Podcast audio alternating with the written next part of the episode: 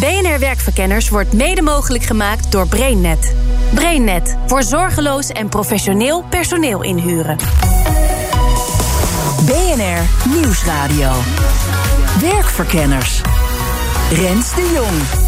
Wie volgens Open Hiring mensen aanneemt, stelt geen vragen over iemands verleden, werkervaring of diploma's. Gewoon ben je geïnteresseerd in de baan. En dan kun je aan de slag. Nou, dat klonk in december en eigenlijk nu nog steeds als een doodsimpel idee. Maar dat zijn de beste ideeën. Ja, ja. en leg, leg hem eens in drie zinnen uit dan. Een baan zonder sollicitatiegesprek. Dus je begint te werken en je laat zien dat je het kunt. En als je goed functioneert, dan krijg je een vaste baan. Werkgevers die zo werken vragen zich af waarom ze het ooit anders deden. Wij waren al heel lang op zoek naar, nou, waar krijgen wij nou onze nieuwe talenten vandaan? Mhm. Ja, en dit leek mij gewoon, dit was zo'n open deur. Ja, open hiring, maar Ja. dit was echt een open deur. Na anderhalf jaar maakt nog maar een beperkt aantal werkgevers en werkzoekenden hier gebruik van. En daar kan volgens de stuwende kracht achter open hiring nog behoorlijk wat bij. Als je kijkt naar de cijfers, dan zie je dat vorig jaar, en dan, dat is dus voor corona, toen waren er nog steeds, terwijl we toen met een overspannen arbeidsmarkt zaten, een kleine miljoen mensen die zaten gewoon thuis. En een deel daarvan valt onder deze categorie. En dat zijn toch heel gauw een kleine 200.000, 300.000 mensen. En de onderzoeker van deze methode is zelf ook fan geworden. Ik heb onderzoek gedaan eh, naar eh, wat het voor mensen heeft betekend. Dus de mensen die aangenomen zijn bij open hiring. Nou, en ik heb echt prachtige verhalen gehoord. Nou, daar krijgen we ongetwijfeld meer over te horen. Maar er is ook wel iets kritisch over op te merken. Wat je in ieder geval ziet in de eerste eh, pilotbedrijven... is dat het allemaal ongeschoold of laaggeschoold werk is. Dus je weet niet of dit nu ook gaat werken voor, ehm, voor banen... waar je dus ook bijvoorbeeld eh, van bepaalde diploma's... of van bepaalde vaardigheden uitgaat. Een vraag waar ook de werkgever mee worstelt. In de uitvoering van de schoonmaak is het echt inmiddels ja, de gewoonste zaak van de wereld. Vinden we het nul probleem. Maar de vervolgvraag is, kunnen we dit ook op andere plekken doen? En, eh, en dan is de, de eerlijke, echte vraag die je stelt, durven we dat? Nou ja, dat, daar zijn we nu mee bezig. Werkverkenners. Open hiring is dus een hele eenvoudige manier om mensen te werven voor in ieder geval een gedeelte van de arbeidsmarkt. Maar waarom zou je? Welk probleem lost het eigenlijk op? Met welke verwachting zijn mijn gasten zich met open hiring gaan bezighouden? Nou, dat leg ik allereerst voor aan Miss Open Hiring Ingeborg Zwolsman. Ik werk als programmamanager bij Start Foundation en programmamanager Open Hiring. Ja, jij bent de personificatie van open hiring, toch? Nou, eh, samen met een heel team eh, zijn wij inderdaad eh, het beeld eh, en proberen wij Nederland aan de open hiring te krijgen. Hoe lang proberen jullie dat al? Nou, de eerste contacten eh, zijn een aantal jaar geleden, maar dat de eerste werkgever zijn deuren opendeed en de eerste medewerker ook gestart is, dat is nu anderhalf jaar geleden. Dus dat was bij Mameloes in maart vorig jaar. Ja. Eh, met, met welk idee heb je dit naar Nederland gebracht? Welk probleem wilde je oplossen?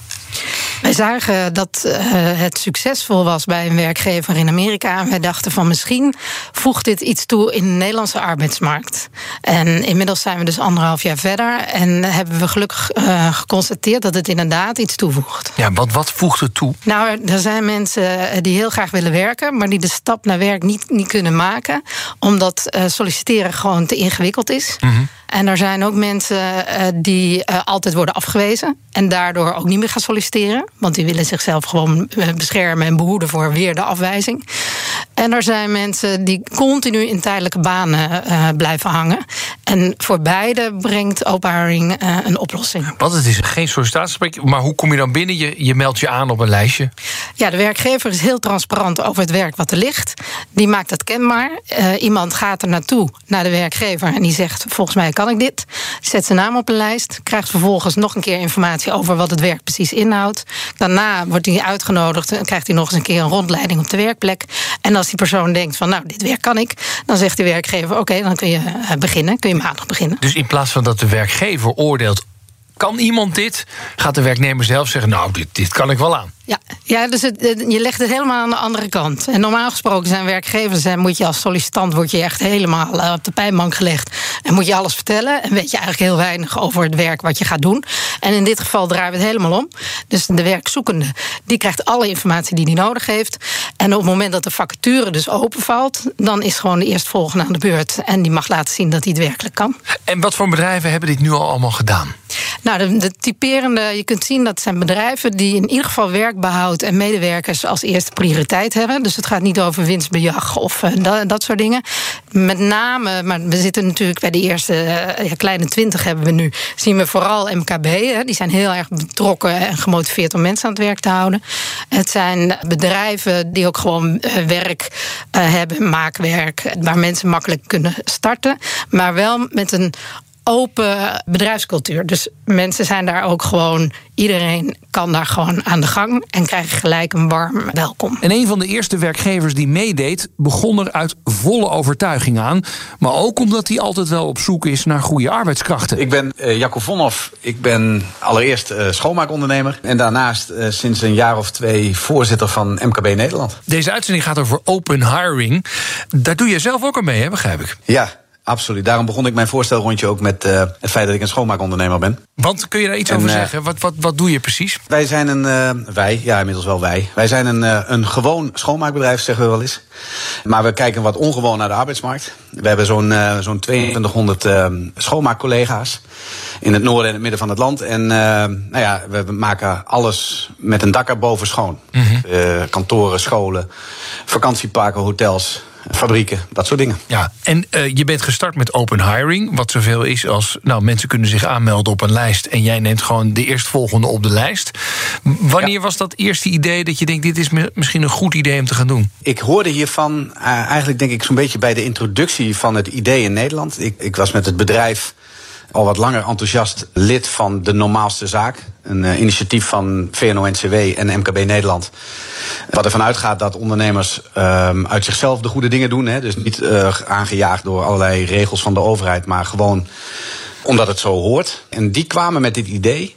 En toen bedacht ik mij van ja, maar weet je, dit is volgens mij uh, uitgelezen mogelijkheid voor ons bedrijf om met zoiets aan de slag te gaan. Omdat wij op dat moment, voor COVID nog natuurlijk, een hele uh, grote behoefte hadden aan nieuwe mensen. De ja. arbeidsmarkt was heel erg krap, hè, minder dan 3% uh, werkeloosheid. En werkte het?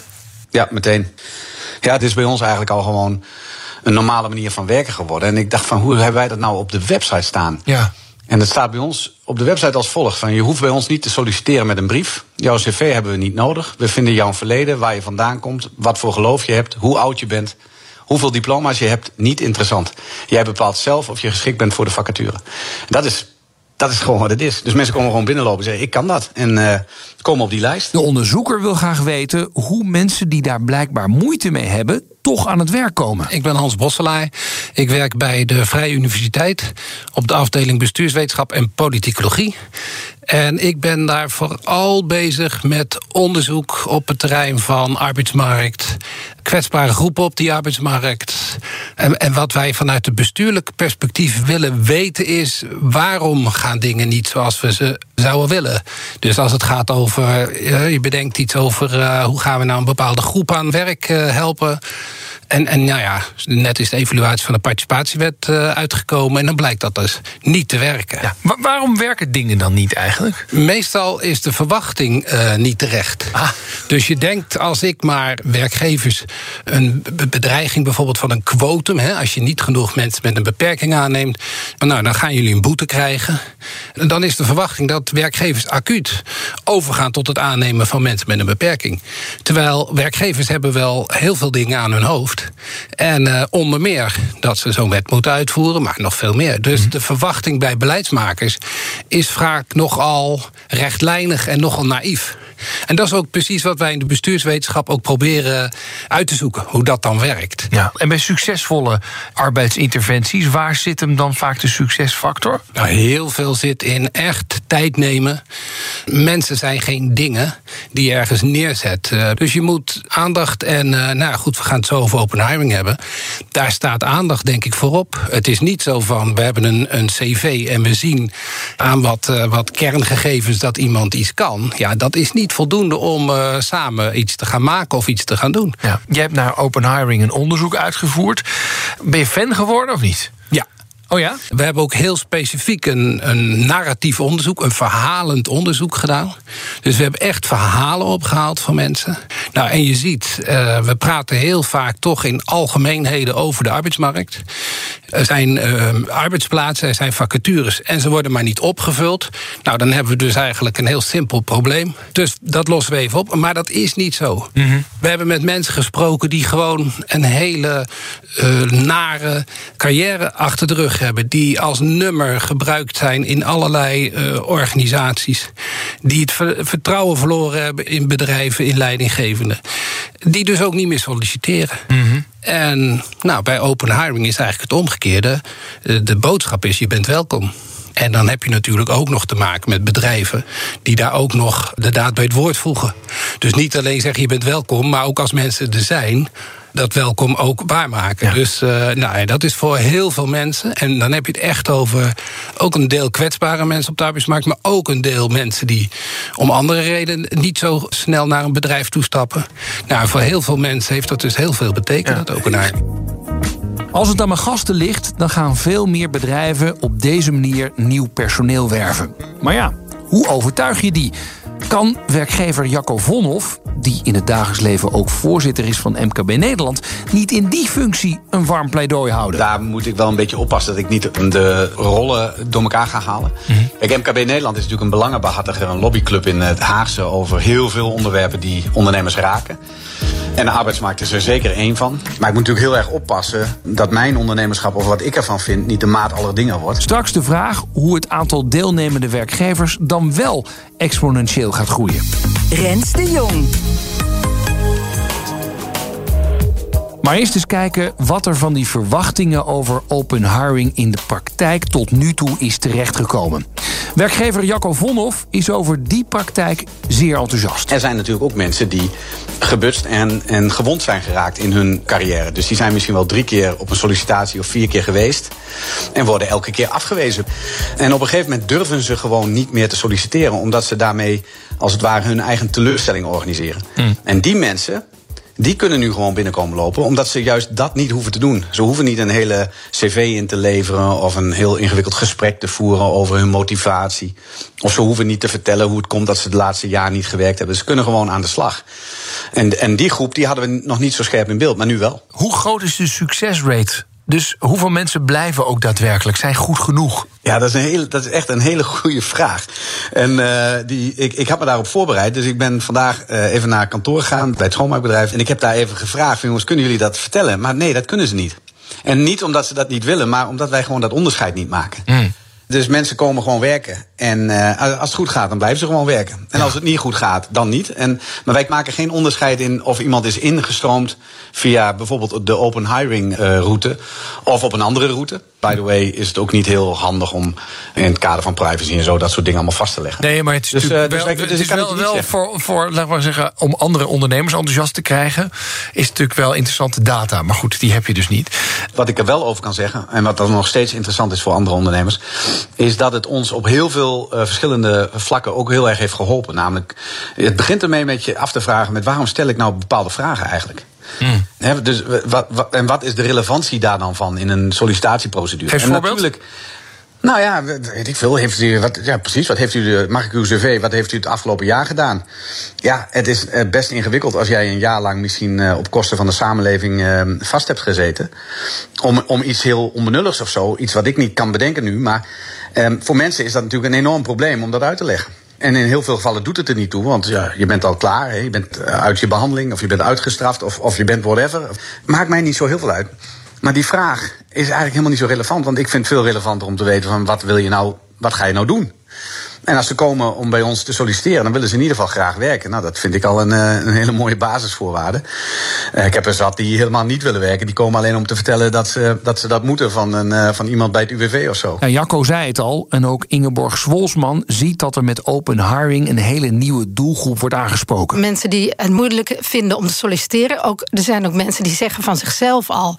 Er is voor mij geen plek op de arbeidsmarkt. Oh ja? Die sluiten zichzelf bij voorbaat al uit. Die hebben nog niet eens gesolliciteerd.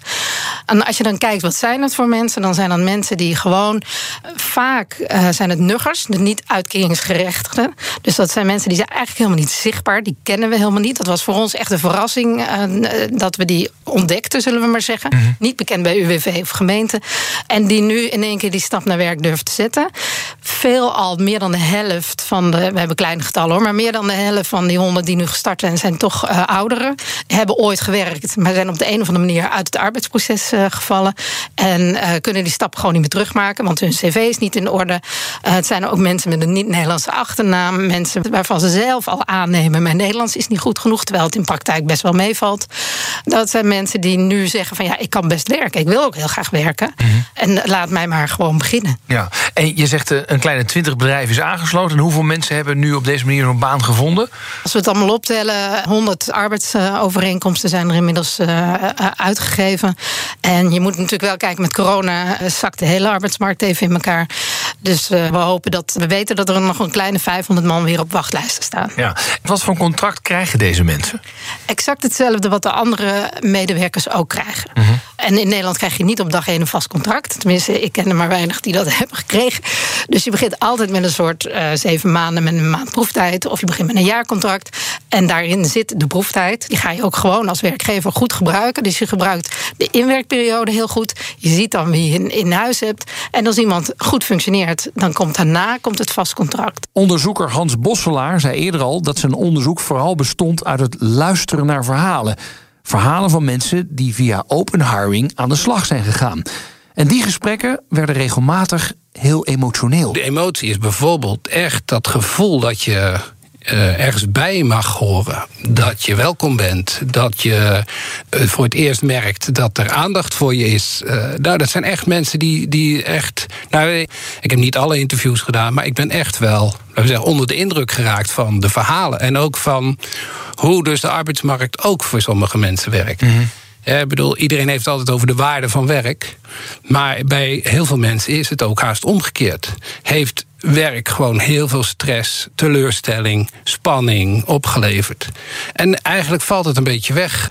En, en dat komt dus enerzijds door open hiring, maar ook door de bedrijven die achter open hiring staan. Ja, en die gewoon uh, aandacht hebben, of gewoon maar die aandacht hebben voor een medewerker. En eigenlijk gewoon die de medewerker als mens zien. Ja. ja. Is dit voor de medewerkers die dit doen echt wel weer een verandering, een levensverandering? Ja, ja echt waar. Het is echt de belangrijkste is dat uh, mensen weer het gevoel hebben uh, mee te kunnen doen. Mm. En of je nou die droom najaagt, of dat je nou uh, toch heel veel nare ervaringen hebt gehad, dat je nu weer mee kan doen. Ja, dat heeft zo'n impact. Nou, met name die mensen die die nare ervaringen hebben gehad. Daar hebben we een aantal gehad die met tranen in hun ogen hun verhaal vertellen. Ja. En is het dan ook zo dat ze nu daarna door kunnen? Is het, of, of hebben ze gewoon deze banen, ik ben er heel blij mee. Of zijn ze na een paar jaar weer weg en denk ik, ja, weet je wel, ik, ik heb weer ervaring, ik ga weer door. Ja, dat is een hele goede vraag. Want de vraag is of dat mensen op die manier zo bezighoudt. Ik denk wel dat het de bedoeling is van open hiring. Hè, dat je zegt van je hebt een plek.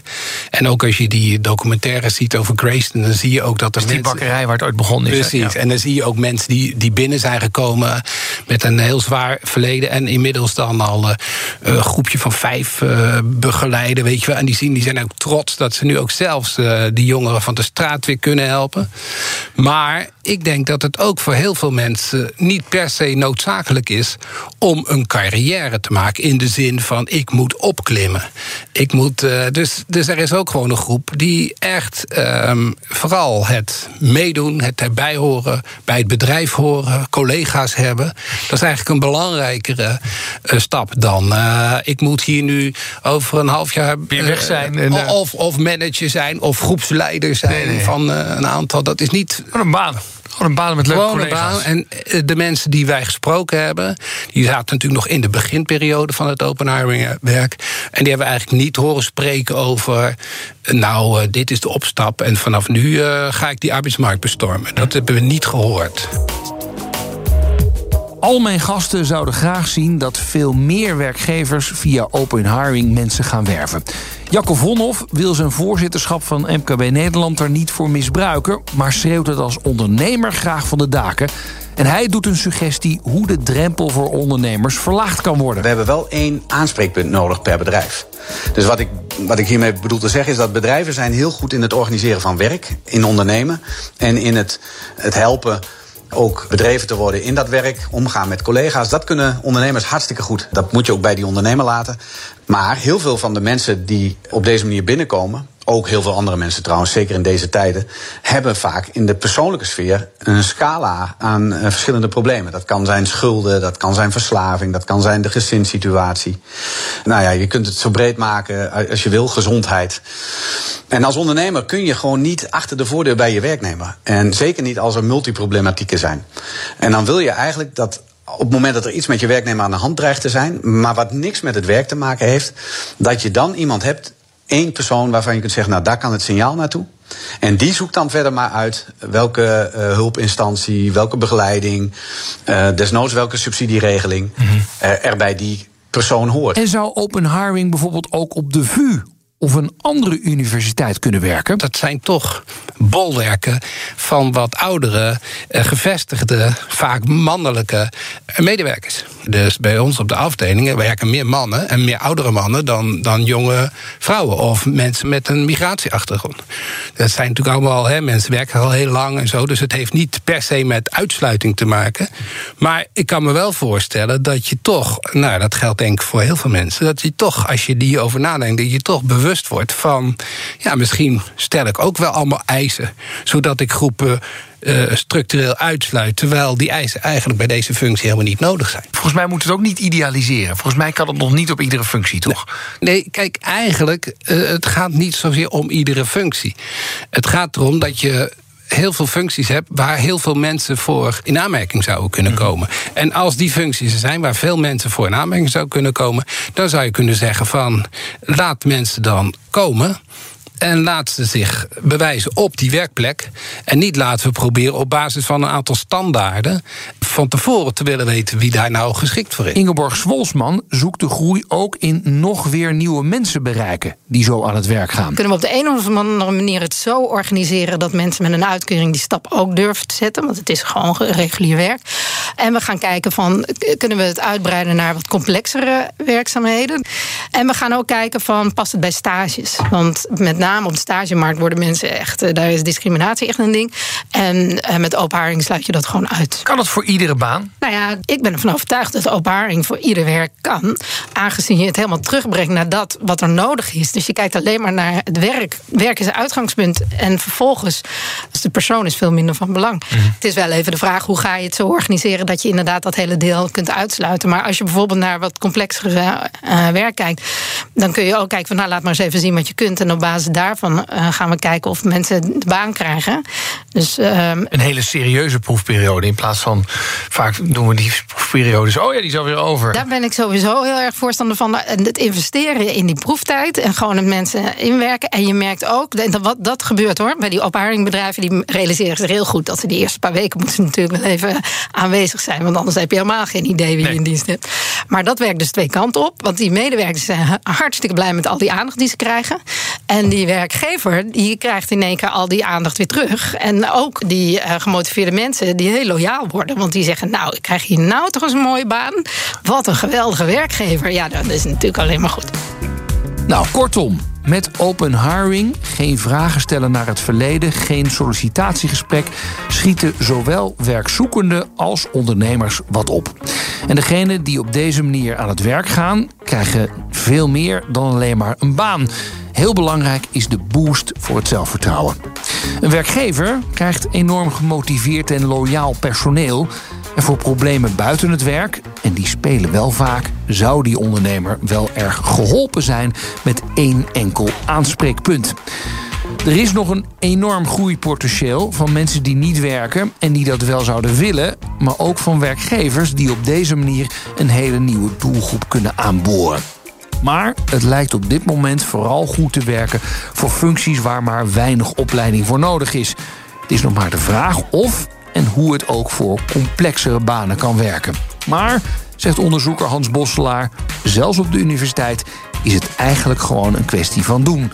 Van het gewoon maar eens uitproberen. Dit was Werkverkenners voor deze week. Volgende week krijg je weer een speciale zomeruitzending... met de mooiste van het afgelopen seizoen. Op dinsdag om half vier. En in je podcast-app kun je op ieder moment terugluisteren. Tot de volgende keer. Dag. BNR Werkverkenners wordt mede mogelijk gemaakt door BrainNet. BrainNet voor zorgeloos en professioneel personeel inhuur.